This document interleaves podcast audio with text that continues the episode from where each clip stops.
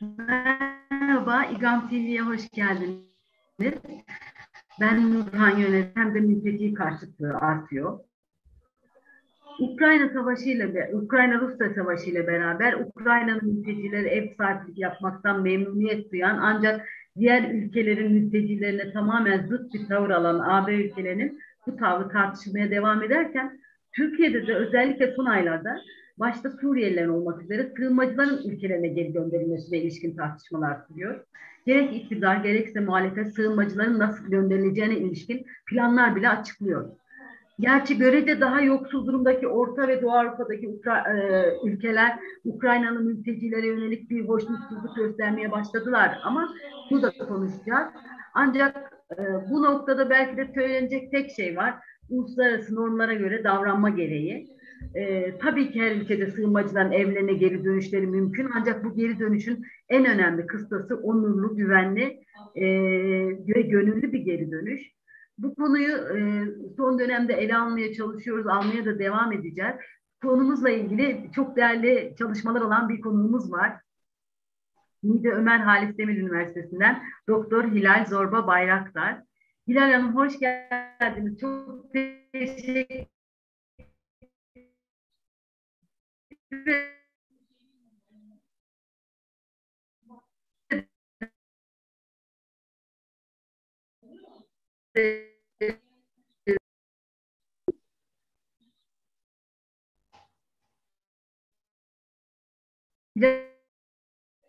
Hanım sesim geliyor mu size? Şu anda geliyor Nurhan Hanım. Merhabalar. Ben teşekkür ederim beni davet ettiğiniz için. Bağlantıda Merhaba. bazı kopmalar Hoş yaşanıyor sanırım. Çok Bazen olabiliyor. Çok çok teşekkür ederiz. Şimdi bu e, aslında biraz dünyadan ülkemize gelelim istiyorum. Hı hı. E, özellikle bu e, Ukrayna-Rusya savaşından sonra e, AB'nin tavrı e, ve AB'deki AB üyesi ülkelerin belirli ülkelerin e, daha görece az gelişmiş ülkelerin tavrı nasıl değerlendiriyorsunuz? Nereden nereye geldik bu konuda savaş başladıktan sonra? O konuda bir görüşlerinizi almak istiyorum önce. Tabii şöyle, e, biliyorsunuz ki e, Avrupa Birliği kuruluşu itibariyle bir e, ekonomik e, ve din birliği üzerine kurulmuş bir sistem. E, bundan kaynaklı olarak her zaman için kendilerine benzeyen, e, kendi e, özelliklerini devam ettireceklerine inandığı insanlara her zaman hoşgörüyle yaklaşmıştır.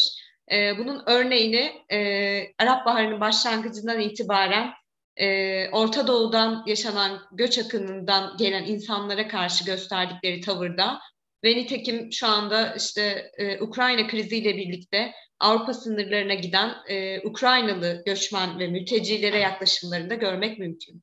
E, nasıl ki daha önce işte Yunanistan'da, İtalya'da, İspanya'da geri göndermeleri, işte bot batırmaları görüyorsak şu anda Ukrayna'dan gelen insanlara karşı tam tersi bir yaklaşım görüyoruz. Ee, en basit örnek verebileceğimiz üniversitelerin şu anda işte Avrupa'daki pek çok üniversitenin e, üniversitelerin sitelerinde Ukrayna'dan gelen öğrenciler için, öğretim elemanları için e, çok memnun olacaklarını, işte ağırlamak istediklerini e, her yerde paylaşıyorlar. Bayağı böyle afişlerle tabiri caizse davet ediyorlar insanları. E, Polonya'da e, şu anda çok ciddi bir e, Ukraynalı mülteci nüfusu söz konusu. Neredeyse her evde bir aile barındırılıyor şu anda. Misafir ediliyor yani aynı bizim zamanında işte evet. Hatay'da, Kilis'te yaşadığımız şeyi şu anda Polonya'da yaşıyorlar. Ee, ve bundan da memnunlar. Bir rahatsızlık yok şu an şu an için. Hani aynı bizim ilk zamanlarımız gibi e, şu anda kendilerine yakın gördükleri bu insanları ağırlamaktan memnunlar. Ama şöyle de bir boyutu var işin. Ee, Ukrayna'dan sadece Ukraynalı mülteciler kaçmadı. Yani pek çok ülkenin vatandaşı vardı. Nitekim biz kendi vatandaşlarımızı, öğrencilerimizi devlet eliyle e, gidip oradan aldık getirdik güvenliklerini sağlamak adına. Ama e, tren garlarında şu görüntüleri gördük. Yani Afrikalı öğrencilerin trenlere alınmadığı, Polonya sınırından ya da Romanya sınırından geçirilmediğini gördük. Böyle de bir ayrımcılık söz konusu. Nitekim bununla ilgili bir cümle kuruldu. Hepimiz duymuşuzdur medyadan. Ama onlar sarışın ve mavi gözlü dendi. Ama müthiş bir ayrımcılık. Burada yani e, AB'nin kendi demokrat e, insan hakları odaklı profiline çok uymayan bir görüntüydü bu ve umutları azaltan bir görüntü aslında dünya genelinde. Ama şöyle de bir şey var. 9 e, Avrupa ülkesiydi zannediyorum. Bunlar AB'den fon almak için başvuruyorlar ve e, yükü daha fazla kaldıramayacaklarını söylemeye bile başladılar. Bu süreç uzadığı zaman siz nasıl bir tablo öngörüyorsunuz? Tabii yani e, aynı bizdeki süreç burada kendini tekrar edecek bence. Her ne kadar isteyerek şu anda ev sahipliği yapıyor olsalar da e, Polonya'dan bunun sesleri gelmeye başladı. Yani Türkiye'ye bu konuda yardım ediliyorsa bize de edilmeli. İşte maddi destek almalıyız bu konuda. Yük paylaşımı yapmalısınız. E, çünkü kalıcılıkları arttığı zaman bu kriz çözülmez ve bu insanlar ülkelerine dönemezse kalıcılık süreleri artacak burada. E, çoğalacaklar, yerleşecekler, işte aile birleşmeleri olacak. Belki şu anda kalan akrabaları var Ukrayna'da daha bu insanların. E, biliyorsunuz erkeklerin belli bir yaş üzerindeki erkeklerin sadece çıkmasına izin verildi ülkeden. Erkek nüfusun çoğu şu anda ülkede, Ukrayna'da. E, yarın e, bunlar da döndüğünde ya da işte artık daha öngöremediğimiz farklı tablolar gerçekleştiğinde, e, ekonomik sorunlar arttığında, ki Covid'den sonraki yaşanan süreç sadece bizim ülkemizde değil, küresel bir e, ekonomik kriz var şu anda zaten. Yani sadece Türkiye yaşamıyor bunu. Pek çok Avrupa ülkesi de e, ekonomik anlamda zor bir e, dönemden geçiyor. İster istemez bu tepkiyle karşılaşacak kesim yine mülteciler olacak. Evet, şimdi e, bir de şöyle bir durum var. E, ekonomik kriz ağırlaştıkça tabii mülteciler günah keçisi ilan edilmeye devam edecek ama bir de Türkiye'ye gelen Ukraynalılar var ama herhangi bir sistem e, ya da statü açıklanmış değil. Sizin bu konuda beklentiniz nedir? Yani, yani daha çok güneyde yer alıyorlar. E, zaten Antalya bölgesi biliyorsunuz en çok yerleştikleri bu savaş öncesinde de her sene işte turistik amaçlarla gelip ziyaret ettikleri, beğendikleri zaman işte gelip bir ev alıp yerleştikleri bir bölge buralar işte bizim güney bölgelerimiz. Şu anda da yoğunluk e, genelde oralarda. Bu ister istemez yerel halkta da bir tepkiye sebep oldu. Çünkü ev fiyatlarında ciddi bir artış söz konusu. Ee, ister istemez gelen kesim varlıklı ve e, belli imkanlara sahip kesimler. Yani gelen mülteci sizin Suriye'den aldığınız ya da Afganistan'dan gelen mülteci gibi bir mülteci değil. E, şu anda zaten bir mülteci statüleri de yok. Dediğiniz gibi bu konuda yapılmış bir çalışma da yok. E, şu anda pasaportuyla, yasal yollarla ülkeye giriş yapan, işte bir ev alan, yerleşen, oturma iznine başvuran herhangi bir yabancı statüsünde. Ama işte atıyorum 7 sene geçti diyelim bu insanlar hala burada çalışma izni aldılar, yerleştiler ya da dönmeyi düşünmüyorlar. O zaman istedikleri takdirde ve şartları sağlıyorlarsa vatandaşlık başvurusunda bulunabiliyorlar. Ee, ama e, eğer mülteci statüsü elde etmek isterseler biliyorsunuz bizim e, mülteci e, tanımımız Türkiye'nin e, taraf olduğu anlaşmadan coğrafi kısıtlamaya tabiiz evet. ve sadece Avrupa'dan gelen insanları mülteci olarak kabul ediyoruz. Burada Ukraynalılar aslında mülteci statüsüne başvuru yapabilirler isterseler. Evet. Ama hiçbir şey orada bir sessizlik hakim. O da belki e, nüfusun o kadar yoğun olmamasından olmadığı için muhtemelen diye düşünüyorum. Ama süre gelen bir şey durum söz konusu olursa orada e, şimdi orada da e, coğrafi kısıtlama zaten bu işin biraz yumuşak karnı gibi çok tartışılan bir konu. Sizin kişisel görüşünüzü merak ediyorum ben. Türkiye'nin coğrafi kısıtlamayı kaldırmasına yönelik girişimler olması gerekiyor mu? Valla e, insan hakları açısından baktığımızda kaldırılması gerektiği yönünde bir düşünceye sahibim. Ama ülkemizin güvenliği ve içinde bulunduğu stratejik konum açısından baktığımızda kaldırmamız bizim geleceğimizin yani ülkenin geleceği için e, bizim karımıza olacak bir şey değil. Çünkü e, sorunlu bölgelere e, komşu bir e, konuma sahibiz. Türkiye tarihsel olarak da her dönem göç aldı ve almaya da devam edecek.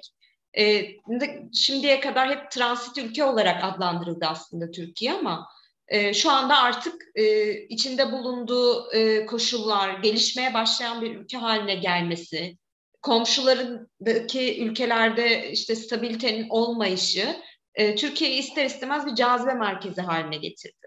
Yani biz artık transit ülke diye anılmaktan göç alan ülke olarak anılmaya başladık. Eğer biz bu coğrafi kısıtlamayı kaldırırsak zaten bize gelen e, göçmen veya sığınmacı Orta Doğu bölgesinden geliyor ve bu sayı artar katlanarak artmaya devam edecek. Bu bizim e, ileride işte şu anda işte muhalefetin sürekli söylediği gibi demografik yapımızdan tutun da işte sosyal ekonomik hayatımızı zorlaştıracak bir şey. Yani bu kadar kolay e, mülteci başvurusu yapılmamalı. Ben coğrafi kısıtlamanın kalması gerektiğini düşünüyorum ama bazı sosyal hakların da verilmesi gerektiğini düşünüyorum. Nasıl şu anda Suriyeliler geçici koruma altındalar. E, şu anda bizde sahip oldukları statü aslında mülteciden farklı bir statü değil. Mülteci olsalar da ancak bu kadar hakka sahip olabilirdiler. Çalışma izinleri var, öyle işte mi? Yani sağlık artı anlamında bir, öyle. Artı bir hak, artı bir hak e, yani e, ancak bu kadar mı e, gerçekten şey yapılıyor? Sınırda bir yerde mi? Çünkü daha çok bazı e, akademisyenlerin tartıştığına göre çok ara bir statü geçici koruma statüsü.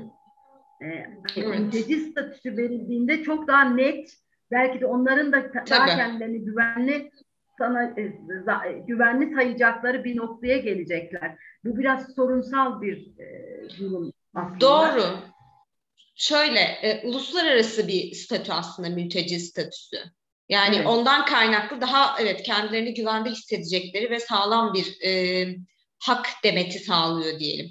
Ama şu anda e, ülkemizde hayatlarını devam ettirmelerini sağlayacak her türlü e, ayrıcalığa sahipler böyle baktığınızda. Ama şöyle de bir handikap var dediğiniz gibi. Bu Bakanlar Kurulu kararıyla verilmiş bir statü. Yarın Bakanlar Kurulu biz bu statüyü kaldırıyoruz dediğinde hiçbir hak iddia edemezler. Yani burada işte konuştuğumuz geri dönme, işte gönüllü geri dönüş ya da geri dönmeye zorlama, mülteci statüsü verdiğiniz zaman bu insanlara geri dönmeye zorlayamazsınız. Çünkü mülteci dediğimiz insan zaten ülkesinde zulme uğrama, işte e, hayatını kaybetme korkusuyla e, başka bir ülkeye sığınmış olan insan. Bunu zorunlu olarak yapıyor. Yani zorunlu bir göç durumu söz konusu burada. Bundan kaynaklı olarak bu insanların geri döndürülmesi mümkün değil. Zaten uluslararası e, belgelerde de geri gönderilmeme ilkesi diye bir ilke mevcut. Mülteci evet. statüsü verdiğiniz kişiyi geri gönderemezsiniz zorla. Bunu da yapmamak için aslında biraz bu statü verilmiyor diye ben düşünüyorum şu anda ülkemizde. Şimdi yavaş yavaş Türkiye'ye gelirsek e, burada koskoca bir e, ilginç bir e, mutabakat duruyor arada.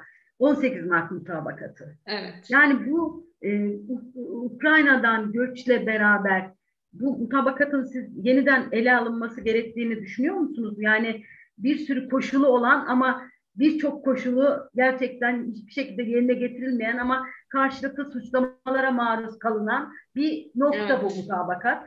Siz bu böyle bir anlaşmanın yenilenmesi, yeniden ele alınması e, gerekiyor mu? Ve ne, neleri öngörmesi gerekiyor sizce? Şöyle, eğer Avrupa Birliği ile ilişkilerimizde bu e, konu yani mülteci konusu bir başlık olmaya devam edecekse bizim bu anlaşmayı revize etmemiz gerekiyor. Şu andaki koşullarda uygulanabilirliği zaten sıkıntı içerisinde. Nitekim dediğiniz gibi her iki tarafta üzerine düşen bazı şeyleri yapmamış durumda. E, Türkiye kendisine vaat edilen e, şeyleri göremedi. Aynı şekilde Avrupa Birliği istediği bazı adımları göremedi. Ama çoğunlukla bizim e, bu birebir mutabakatına uygun yapmamız gereken şeyler zamanında yapıldı. İşte biliyorsunuz karşılığında bir vize muafiyeti, işte e, evet. meşruatlı yol, yol haritamız vardı. Aynen, gümrük birliğinin yenilenmesi vardı. E, biz yaptığım attığımız adımlara karşılık hiçbir şey göremedik karşı taraftan. Bu bizim elimizi aslında zayıflatan bir anlaşma oldu burada. Bu nedenle yeniden düzenlenip Türkiye'nin e, menfaatlerini içerecek şekilde e, tekrar bazı maddeler koyulması gerekiyor. Yani böyle olması gerektiğini düşünüyorum. Yani ufukta öyle bir şey görünmüyor ama değil mi? Sizce yok. de öyle değil mi? Yani şu anda öyle bir şey, şey yok. görünmüyor.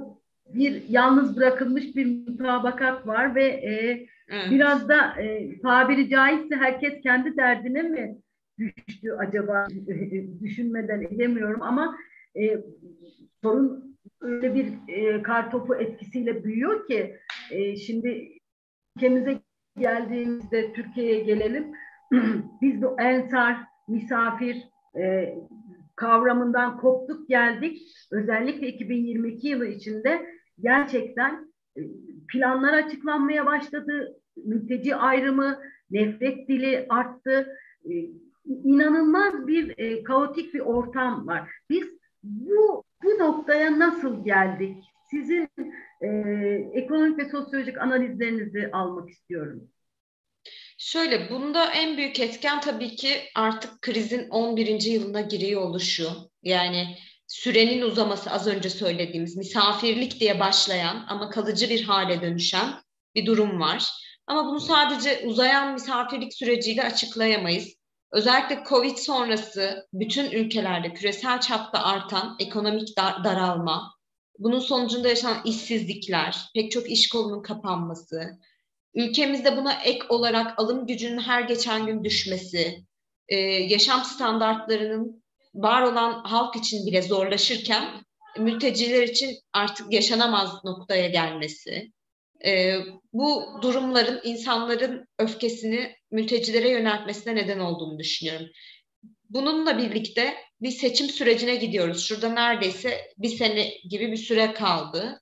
E, hmm. Seçime gittiğimiz bu dönemde ister istemez e, muhalefet partileri bunu bir seçim aracı olarak kullanıyorlar. Özellikle bazı muhalefet liderleri e, hükümete yüklenmek adına e, bu konuyu özellikle tabiri yerindeyse kaşıyor. Yani e, bu ne bizim için ne mülteciler için e, iyi bir şey değil. Şu anda toplumsal kabul düzeyi çok düşmüş durumda. E, hepimizin de takip ettiği, dinlediği Murat Erdoğan Hoca'nın toplumsal kabul çalışmaları var biliyorsunuz. İlk başlardan Hı. beri yapılıyor. Her sene bunu düzenli yapıyorlar. E, son yapılan çalışmalarda toplumsal kabul düzeyinin oldukça düştüğünü görüyoruz. E, daha önce bir şey vardı, nasıl diyeyim, liderini takip etme anlayışı vardı halkta. E, desteklediği siyasi parti lideri ne söylüyorsa e, insanlar da o ağızdan konuşuyordu, o şekilde davranıyordu. Şu anda artık seçime gidilen bir ortamda siyaset malzemesi haline geldiği için konu e, herkes e, bir seçim yarışı içerisine girdi. Yani bu bir seçim aracı oldu. Bundan kaynaklı olarak e, kendi seçmenini memnun edecek şekilde konuşmaya başladı insanlar. Daha önce bu kadar bir e, gündem maddesi değildi. Bir de şöyle de bir durum var. Suriyelilerin geçici koruma altında olması durumundan da kaynaklı biraz bu durum söz konusu. Çünkü biliyorsunuz Afganların, İranlıların ya da diğer işte düzensiz göçmenlerin hiçbir hakkı yok burada. E, bütün bu kesimden kaynaklı bir sorun bile olsa bütün öfke her zaman Suriyelilere yöneldi. İşte en basit söylemleri hepimizin etrafta komşularımızdan, arkadaşlarımızdan duyduğumuz. Hastanede önceliğe sahipler. İşte e, ekstra para veriliyor onlara. İşte bizim insanımız aç ama onlara işte çocuk başına para veriliyor. Bu doğru bilinen yanlışlar da biraz insanların e, tepkisini yükseltti. Evet. Sizin deyiminizle tabiri caizse e, gerçekten e, toplumun e, yumuşak karnını kaşıma ya, yol açıyor bu. Peki siz bu söylemlerin devamında biliyorsunuz daha önce Andağ'da, İzmir'de önemli sosyolojik olaylar yaşandı. Siz sosyolojik risklerin arttığını düşünüyor musunuz? Özellikle muhalefetin bu paylaşımlarıyla beraber. Kesinlikle. Yani özellikle görünürlüğü arttırıyorlar medyada, sosyal medyada bir algı oluşturuluyor. E, bu durum hem mülteciler için bir güvenlik tehdidi hem bizim için bir güvenlik tehdidi. E, kutuplaşmanın ve siyasallaşmanın en e, uç noktaya vardığı dönemlerde e, en ufak bir kıvılcıma bakıyor. İşte Altındağ'da yaşanan bir olay ya da daha önce Adana'da yaşanan olaylar. Yani en ufak bir e, taşkınlık, bir tarafın bir tarafa yaptığı yanlış bir hareket, söylediği yanlış bir söz toplumsal bir krize götürebilir bizi. Yani tehlikeli buluyorum ben açıkçası. Evet, Çok kesinlikle. tehlikeli buluyorum ve yani toplumsal barış için zaten ekonomik kriz içinde boğuşan bir e, şey bir ülke haline gelmiş durumdayız. Gerçi dış etkiler de var ama iç etkiler de çok e, gerçekten hoşnut kalınabilecek düzeyde değil ama peki bir şey e, şu, şurada önemli bir şey var. Öyle bir noktaya gelindi ki e, muhalefet iki yıl içinde göndereceğiz diyebiliyor. E, iktidar partisi bir projeden bahsediyor. E, sizce Suriyelilerin geri gönderin tabii ki uluslararası hukuki normlar çatısı altında Suriyelilerin geri gönderilmelerine siz nasıl bakıyorsunuz? Yani bu gerçekten imkan dahilinde mi? Bu böyle bir yöntem dahilinde bir şey mi? Yoksa afaki konuşulan şeyler mi bunlar? Uluslararası ben, hukuki normlar ne diyor bu konuda? Hı hı. Daha önce de bahsettiğim üzerine e, statüsü gene uluslararası e, belgelerle garanti altına alınan ve bunun karşılığında kişiye bazı haklar veren bir statü. E, bizim ülkemizdeki Suriyeliler şu anda ne sığınmacı ne mülteci, düzen, e, geçici koruma altındalar ve bu bir bakanlar kurulu kararıyla oluşturulan bir statü. Yine e, bu şekilde kaldırılması söz konusu. 2019 yılında bu e, statüde bazı düzenlemeler yapıldı ve Cumhurbaşkanı'nın e, yetkisi altına alındı bu statüyü düzenlemek şu anda. Bakanlar Kurulu'ndan alındı bu yetki. E, doğal olarak muhalefet şöyle bakıyor. Seçimi kazandı, bunu bir seçim vaadi olarak kullanıyor ve seçimi kazandığımızdan biz bu insanları geri göndereceğiz diyor. Cumhurbaşkanlığı kararıyla alınan bir e, karar olduğu için bu statü yine Cumhurbaşkanlığı kararıyla kaldırılabilir ve isterseler gönderirler. Ama gönderirlerin bu söylediğim tamamen hukuki ve kağıtsal üzerindeki noktası. Yani kayıtlı olarak şu anda 3.7 milyon insan var. Belki kayıtlı olmayanlarla birlikte 5-6 milyonu bu sayıyı buluyor. E, bu kadar büyük çapta ve 81 ile dağılmış insanı sizin tek bir seferde çok rahat bir şekilde e, kafanıza estiği gibi göndermeniz mümkün değil. Bir de işin şöyle bir boyutu var. Geri dediğiniz gibi onurlu ve gönüllü geri dön, gö- gönderilme e, Suriye'de gerçekten bu insanların geri dönmesi için gerekli koşullar oluşturuldu mu? Yani evet geçenlerde duyduk e, af ilan ettiğini söyledi Esad. Ancak e, buna ne kadar güvenilebilir? Yani e, uluslararası kuruluşlar bu sürece dahil olmadığı sürece insanların ben geri dönmek isteyeceğini düşünmüyorum. Geri dön, gön, döndürmeye zorlamak da bu zamana kadar yaptığımız ve prestij elde etmemizi sağlayan uluslararası olarak bütün e, çabalarımızı boşa çıkarır. Biliyorsunuz biz 11 senedir bütün uluslararası mecralarda şu kadar mülteciye bakıyoruz, bu kadar göçmeni Hı. ağırlıyoruz. İşte kamplarımız şöyle, bu kadar iyi statüler yaptık, işte iyi durumdalar, çalışıyorlar, sağlık hizmeti sağlık. Bunlarla her yerde övünüyoruz. Biz bütün bu 10-11 senelik çabamızı bir kalemde harcamak olur bu yaptığımız her şeyden öte. Yani hani insani boyutunu geçtim işin. Ülkesel olarak yaptığınız bu hareket 10 senedir e, verdiğiniz hizmeti tek kalemde siler. Çünkü için, işin içinde insani bir durum var. Niye aldık biz bu insanları? Savaştan kaçıyordular. Can güvenlikleri söz konusuydu. Peki can güvenliklerini şu anda döndüklerinde sağlayabilecek miyiz? Biliyorsunuz Türkiye e, sınır ötesi operasyonlar yapıyor. İdlib'de biriket evler yapıldı. İşte bir sıfır noktası, bir tampon bölge belki oluşturulmaya çalışılıyor şu anda. E, bu onurlu geri dönüşü sağlamak için Türkiye'nin ivedilikle Suriye ile ilişkileri normalleştirmesi gerekiyor. E, yönetim ya da iktidar her kim olursa olsun sınırımız çok büyük bir kara sınırına sahibiz biz Suriye ile. E, bu şekilde daha fazla bu ilişki sürdürülemez. hem bizim için hem onlar için e, özellikle Birleşmiş Milletler'in gözetiminde bir orta yol bulunup orada bir e, gözlemci statüsü belki oluşturulabilir, sıfır noktası oluşturulabilir. Kademeli bir şekilde bu insanların dönmek istemesini, gönüllülük geri, dönüşünü sağlayacak ortamın yaratılması gerekiyor. Bu yaratılmadığı sürece geri dönde, gönderilmeye çalışmaları hem bizim için hem onlar için e, bir sıkıntılı bir durum yani. Peki güvenli bölgeye geri gönderme e, konusuna nasıl bakıyorsunuz? Hı hı. 1 milyon kişiden bahsediliyor. Hı hı. Ya bu güvenli bölge dediğimiz zaten geçici bir süre için gene hani yapılacak. Ee, adaptasyonu, ülkeye tekrar adaptasyonunu sağlayacak e, şekilde e, ben düşünüyorum bu konuyu. Yani bir güvenli bölge oluşturacak. İlk etapta belli bir kesim. Yani hepsini zaten götüremezsiniz tek seferde.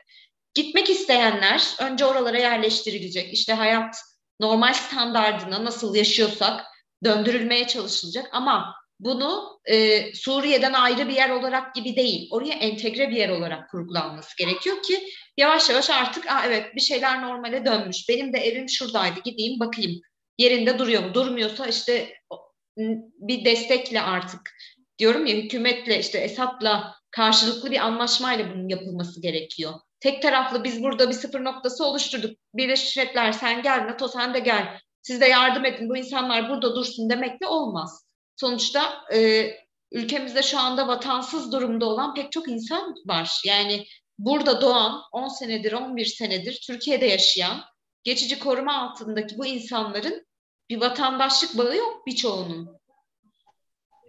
Evet yani çok belirsiz flu nokta, gri bir noktada e, ama e, şuna da çok katılıyorum. Yani e, bir anlaşma gerçekten uluslararası kurum ve kuruluşların bir şekilde desteği ve e, eşliğiyle eşliğiyle o ancak olabilecek bir durum. Yoksa mesela bir milyon kişi bir milyon kişi az değil aslında. Yani Tabii. onların e, işleri, sağlık hizmetleri, belki geçimlerini sağlayacak şey e, bölgeler kurulması. E, işte orada da tabii kaynak sorunu da çok önemli. E, bu kaynak sorununda da geliyoruz aslında uluslararası kuruluşların e, bir şekilde fon ayırmalarına. Yani e, o yüzden ben biz İGAM olarak e, haftanın göç gündemini yapıyoruz. Son birkaç aydır benim en önemli dikkat ettiğim şey e, yani Suriyelilere geri döneceğiz ama daha çok e, Afganlıların, Pakistanlıların e, böyle e, nasıl söyleyeyim sıkı takipte olup anında geri gönderme merkezlerine gönderilip sınır dışı edilmelerine yönelik operasyonlar arttı. Hatta İçişleri Bakanlığı'nın sitesinde de bu operasyonlar bütün ayrıntılarıyla yer alıyor. Ee, mesela geçen yıl öyle değildi. Ee, siz bunu nasıl değerlendiriyorsunuz? Bambaşka bir atmosfere mi girdik? Yani e, bizim daha önce kucak açtığımız savaştan, zulümden kaçan insanlarla ilgili bambaşka bir moda mı girdik acaba biz? Yoksa e, her şey aynı mı? Şöyle ben iç politikanın bunda çok etkili olduğunu düşünüyorum. Ee, öncelikle Afganlar zaten bu Suriye krizinden önce de vardı biliyorsunuz. Yani evet, evet, her evet. daim vardılar ama görünür değildiler. Görmüyorduk. Yani sokakta kaç tane Afgan görüyordunuz? Gözünüze kaç kişi çarpıyordu? Ya da son dönemde işte bu bayramda gördüğümüz görüntüler, orada halay çekenler, burada zıplayanlar, yani kalabalık Afgan erkek gruplarını nerede görüyorduk? Görmüyorduk, yoktular. Ha şöyle bir durum var yönetim değişikliği işte Taliban'dan kaynaklı olarak belki arttı sayıları daha da. Hani e, düzensiz göç evet. e, alma potansiyelimiz de arttı bu noktada. Belki bu yüzden biraz daha görünürler ama e, sınırlarımızın güvenliği konusunda bir zafiyet söz konusu. Özellikle işte İran'la olan sınırımız biliyorsunuz İran'dan bayağı dağlardan yürüyerek geliyor Afganlar. Evet. Görüntüleri var işte Türkiye'ye nasıl gideriz diye videolar çekmişler. Hani bunlar bile düştü sosyal medyaya. İster istemez bu iç politikada bir tepkiye sebep oluyor. Özellikle bu kesimin işte her zaman ne diyoruz işte kadınlar ve çocuklar öncelik. Çoğunun erkek oluşu, genç erkeklerden oluşuyor olması, işte bunların pek çoğunun e, kriminal olaylara karışıyor olması ya da ne bileyim işte taciz tarzı olaylar yaşanıyor oluşu özellikle büyük şehirlerde tep toplumsal tepkiyi daha da arttırdı. Sayıları arttığı için daha fazla görünür oldular. Zaten Suriyelilere var olan e, tepki biraz da Afganlara yöneldi. Özellikle bu Ocak-Şubat ayından sonra herkes Suriyelileri bıraktı biliyorsunuz. Biz bir iki ay sadece Afganları konuştuk böyle. Hani o Taliban'ın tam yönetim değişikliği yaşadığı dönemde. E, bundan dolayı zaten e, bizim şu anda hukuksal olarak elimizde bunu yapma hakkımız da var. Düzensiz bir şekilde ülkeye giriş yaptıkları için yakalandıkları anda geri gönderebiliyoruz. Eğer bir uluslararası koruma ya da sığınma başvuruları yoksa e, anında bizim bu insanları sınır dışı etme hakkımız söz konusu. Doğal olarak e, tepkiyi biraz da olsa azaltmak, hani en azından Suriye'den, Suriyelilerden yansıyan tepkiyi de azaltmak adına e, şeyin Afganlara ben yöneldiğini düşünüyorum politik olarak. E, onları gönderebiliyoruz zaten. Hani düzensiz göçmenler, hukuksal olarak buna bir engel yok. Hemen bunları yakalayalım, yakaladığımız yerde geri gönderelim. Bununla aslında mücadele edilmesi gerekiyor. Bu bizim için de bir güvenlik problemi bir noktada. Yani Avrupa Birliği üyelik süreci devam eden bir ülkeyiz. Ee, her ay işte yayınlanan ilerleme raporlarında sınır güvenliğimizin sorunlu olduğu belirtiliyor. Böyle de bir durum söz konusu. Yani bu kadar rahat elini kolunu sallayarak tabiri caizse gelebiliyorsa bu insanlar, yarın öbür gün biz bu ülkeyi üye yaptığımızda biliyorsunuz Schengen alanına dahil olacağız. Yani na- nasıl alabilirler bu koşulda bizi? Yani o biraz uzak bir şey. İhtimal gerçi, evet. Yani ihtimal gibi görünüyor ama öyle bir şimdi Taliban'ın e, ülkeyi ele geçirmesinden sonra da öyle bir tablo var ki yani gerçekten e, kadınlara okul yasak, burka giymeleri şartı getirildi. Parka bile gidemiyorlar. Yani e, evet. erkeklerle bile parka gitmeleri ya işte yasak. bizdeki sorun şu. Gelen kesim kadın değil, çocuk değil, erkek. Evet. Yani bizdeki sorun tam olarak buradan kaynaklanıyor. İşte onlar da gelip buraya ailelerini aldırmak üzere geliyorlar ya da trans Türkiye olarak görüyorlar. Bir umut olarak evet. görüyorlar. Çünkü orası o dağlık şey özellikle e, e Pakistan, İran e, e, bölgesel olarak e, kadın ve çocukların çok e, gidebileceği bir yol değil. Coğrafya değil. Yani onlar aslında öncülük ediyorlar ama bir taraftan da gerçekten zulümden kaçıyorlar. Yani biz burada öyle bir dilemma, öyle bir ikilem içindeyiz ki hem hakları korumak hem bazı de, e, dezenformasyonla gelen şeylerden e, ülkeyi ya da e, korumak, halkı korumak, düzeni sağlamak, disipline etmek onların arasında da sıkışmıştık. O yüzden deniyor ki gerçekten AB ülkeleriyle yük paylaşımı gerekiyor. Yani evet. bu bu göç sorunu yani sadece komşu ülkenin sorunu olamaz yani. Öyle bir Kesin. durum söz konusu değil. E, dolayısıyla işte yine geliyoruz acaba AB ile yeni bir anlaşma olabilir mi? Bu anlaşmanın içeriğinin ne olması gerekiyor diye. Ama özellikle şeyden sonra e, insanın umudu daha da azalıyor Rusya-Ukrayna savaşından sonra. Çünkü dikkatler ve destekler sadece orada. Şimdi bu taraf temelli Avrupa Birliği'nin vizyonundan dışarı çıktı diye düşünüyorum. E, dolayısıyla siz de öyle düşünüyor musunuz bilmiyorum ama özellikle Suriyelilerin geri gönderilmesiyle ilgili siz yakın vadede e, nasıl gelişmeler bekliyorsunuz?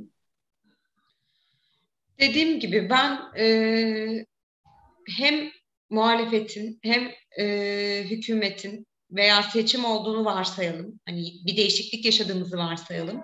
Böyle bir durumda ülkeyi yönetecekler her kimse bizim bir an önce Suriye ile ilişkileri normalleştirmemiz gerektiğini düşünüyorum. E, bu sağlanmış olsa bile e, çok ciddi e, bir insan kitlesinden bahsediyoruz sayısal olarak. E, doğal olarak bir anda bu sorunun çözülmesi mümkün değil. Nasıl ki bu sorun bir anda ortaya çıkmadı ve zamana yayılarak biz bunu 10 senedir yaşıyorsak bunu çözmemiz de e, en az bir 4-5 senemizi alacak bir konu. Çünkü biliyorsunuz pek çoğu bu insanların burada iş kurduğu, okula gidenler, okul bitirenler, buraya yerleşenler var. Yapılan son anketlerde nereden baksanız yüzde yetmiş, yüzde seksen burada kalmayı planlıyor. Ancak yüzde otuz, yüzde kırk gibi bir e, oranda işte bize bir imkan verilirse Avrupa ülkelerine gitmek isteriz diyenler var. Geri dönmeyi düşünen şu ortamda çok az. Yani e, bu noktada gönüllü geri dönüşü her ne kadar teşvik etmeye çalışıyor olsak da özellikle 2019 yılında alınan yeni geçici koruma yönetmenindeki değişikliklerle gönüllü olarak geri dönmek isteyenlere devletimiz e, aynı ve nakdi yardım sağlıyor. Ama e, bunu sayısı çok az yani toplamla kıyasladığımızda çok az bir kesim şu anda. Bunu sağlamak için, gönüllü geri dönüşü sağlamak için bizim iki ülke arasındaki ilişkileri normalleştirmemiz ve bu insanların döndüklerinde gerçekten hayatlarına hiçbir şey olmamış gibi yeniden başlayabilecekleri, işlerini, evlerini tekrar kurabileceklerini garanti altına alacak uluslararası normlar ve gözlemciler gerekiyor. Evet, güvence güvencenin sağlanması gerekiyor. Kesinlikle. Yani çünkü insanların hayatları söz konusu. Hayatları hayatta kaldıklarını düşünelim, geçimleri söz konusu. E, eğer e, işkence edileceklerse, hapishanelere tıkılacaklarsa ya da başka türlü muameleye maruz kalacaklarsa e, yani yönüllü, yol, zorunlu fark etmiyor. Fark etmez. gerekiyor, gitmemeleri gerekiyor. Yani e, tabii bu, bu nokta çok ilginç. Şimdi süremizin sonuna da geldik. Yani entegrasyon konusundan tekrar geri göndermeye gelince bir çıkmaz sokakta gibi bir e, e sosyolojik hal alıyor. E, umarız e, gerçekten e, geri dönmek isteyenler e, çok normal bir topluma, normal bir hayata gelir e, dönerler ama geri dönmek istemeyenlerin de zorla geri göndermek mümkün değil. Çünkü burada hayat kurmuşlar çoğu insan. Kesinlikle. Evet. Ee, sosyal uyum sağlamaya çalışıyoruz. İşte Efendim? Sosyal uyum programları yapıyoruz. Evet, Uyumlarını evet. sağlamaya çalışıyoruz. Sizin söylemek istediğiniz bir şey var mı? Son kez süremizin sonuna geldik. Çok teşekkür ediyorum beni davet ettiğiniz için. Ee, çok, çok güzel bir program oldu. İnşallah e, insan onuruna yar- yaraşır bir şekilde hem onlar hem biz e, bütün e, dünya ülkelerindeki bütün insanlar yaşamlarını sürdürebilirler. E, kimse isteyerek e, mülteci olmaz. E, kimse ülkesini e, terk etmeyi istemez. E, bu noktada biraz empati de yapmak gerekiyor. İnsanları biraz empati yapmaya davet ediyorum bu konuda. İnşallah hepimiz için en güzel olur. Çok çok teşekkür ederiz. Size de çalışmalarınızda kolaylıklar diliyoruz. Sevgili İGAM izleyicileri, bugünlük de bizden bu kadar. Gelecek hafta göç gündeminde tekrar birlikte olacağız. O zamana kadar kendinize iyi bakın. Bizi podcast'ten de dinleyebilirsiniz. Çok teşekkür